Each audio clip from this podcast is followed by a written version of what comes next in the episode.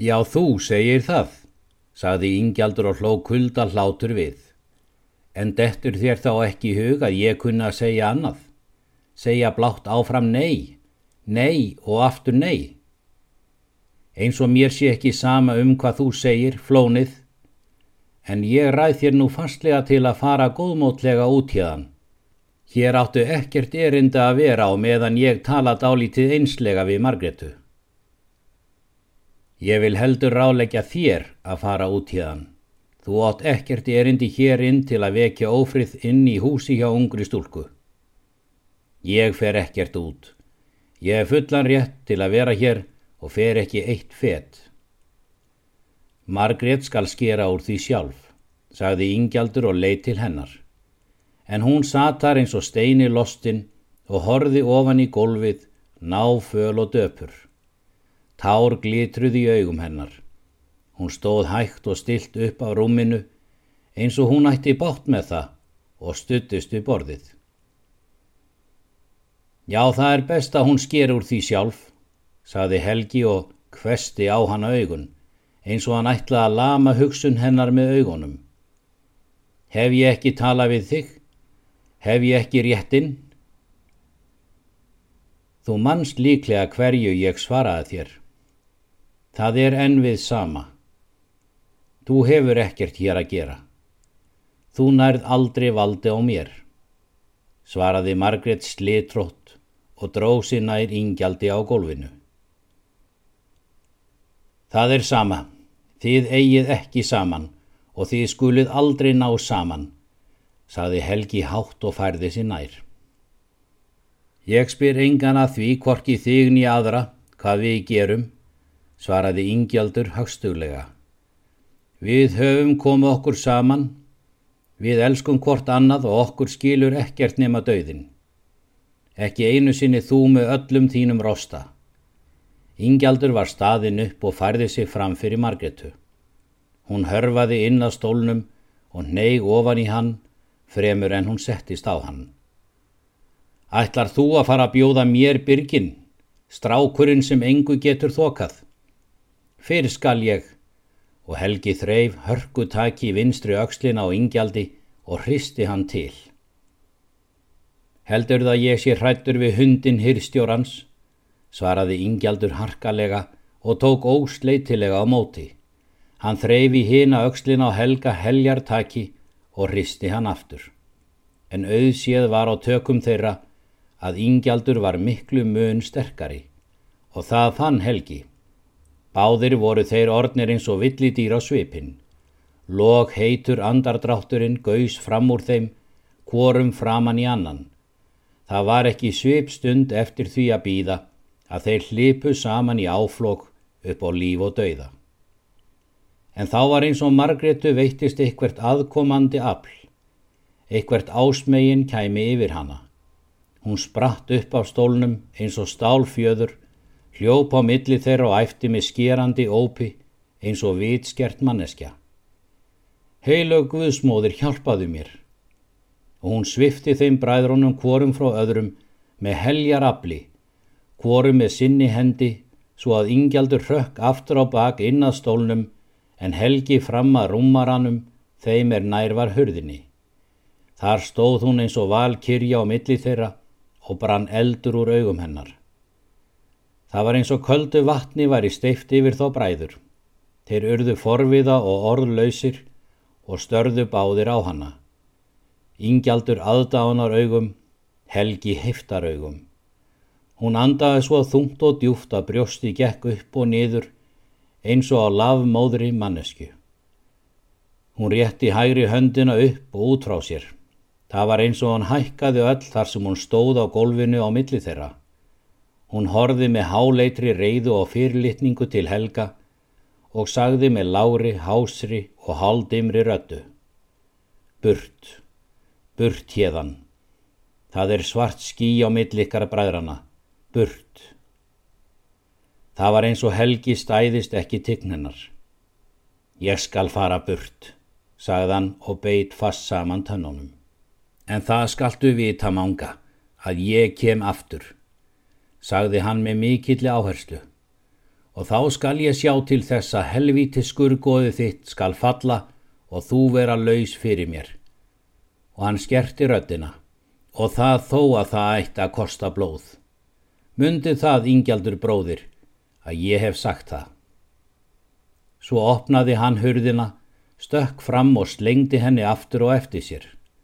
Hann hljóp út og eitthvað burtu frá bænum og vitjaði ekki rúmsíns fyrir en komið var fram á nótt.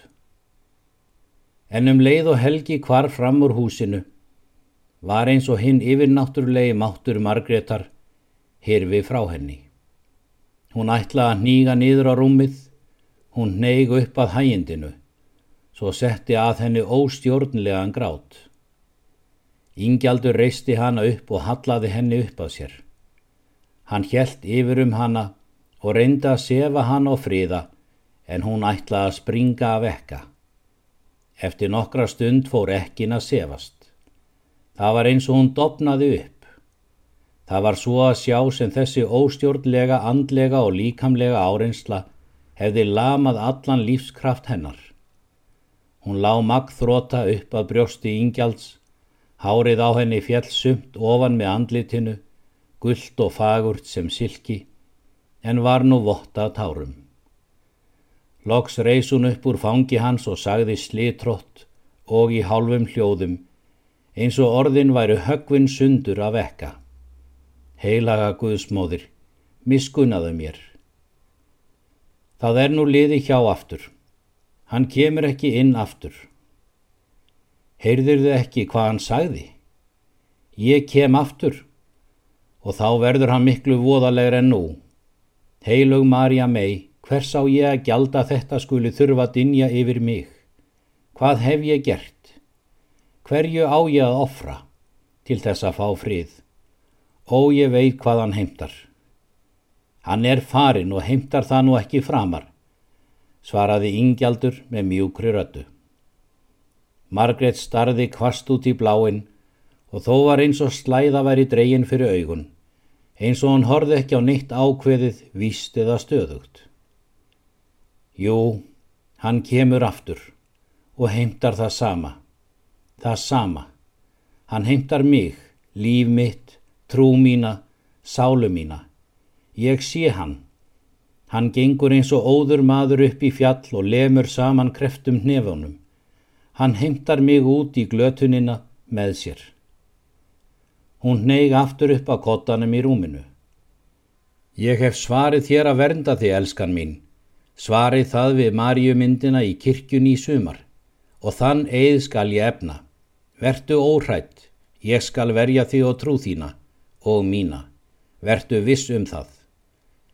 Ég veit ekki hvort þú getur það. Ég sé blóð á millikar bræðrana, eins og dökkraut skí af blóði. Hvorum ykkar blæðir? Þér, af því að þú ert svo góður.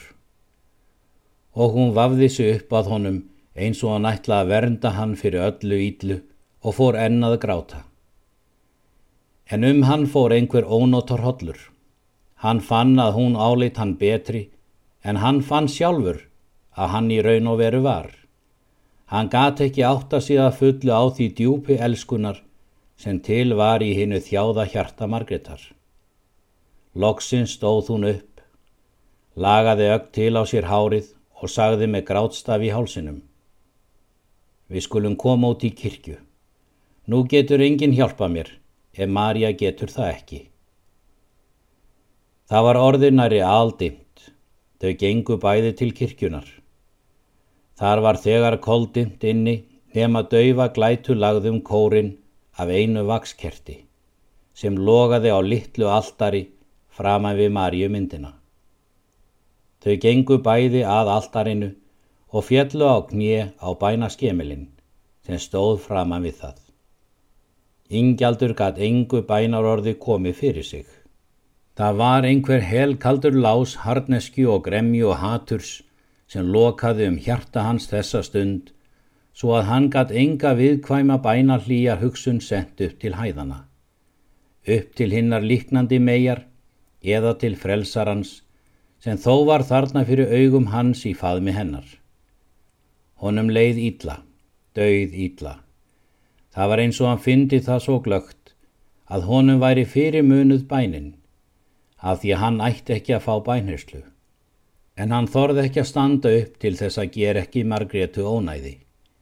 En Margret jós þar út hel sáru hjarta sínu og fornaði log heitum tárum til hinnar heilegu megar og barnsins sem hún elskaði. Og hún fekk frið og ró færðist yfir hjarta hennar og yfirbræð. Svo fóru þau inn aftur, hún með frið og huggun innilega trúaðrar sálar og sannfærðum bænherslu, hann með döpru hjarta og dökkur undir brún. Sannfærður um það þá stundina að Marja vildi ekki heyra bænir hans. Var það vegna hinn að köldu hugsana sem hann bar til bróður síns. Honu varð ekki söpsamt um nóttina. Hann byltist vakandi í rúmunu framundir afturheldingu og eftir að hann sopnaði dreymdi hann aðeins rugglingslega að drauma um bardaga og blóð. Snemma næsta morgun lagði Helgi af stað söður aftur. Hann kvatti kvorki yngjald nýje Margretu, en hann reið ekki sem leið lág um sveitina. Hann reið fyrst út að Axlarhaga, tafði þar lengi dags og satt á tali við Steinolf. Síðan reið hann sem leið lág söður fyrir neðan hofstaði og fram alfara veg.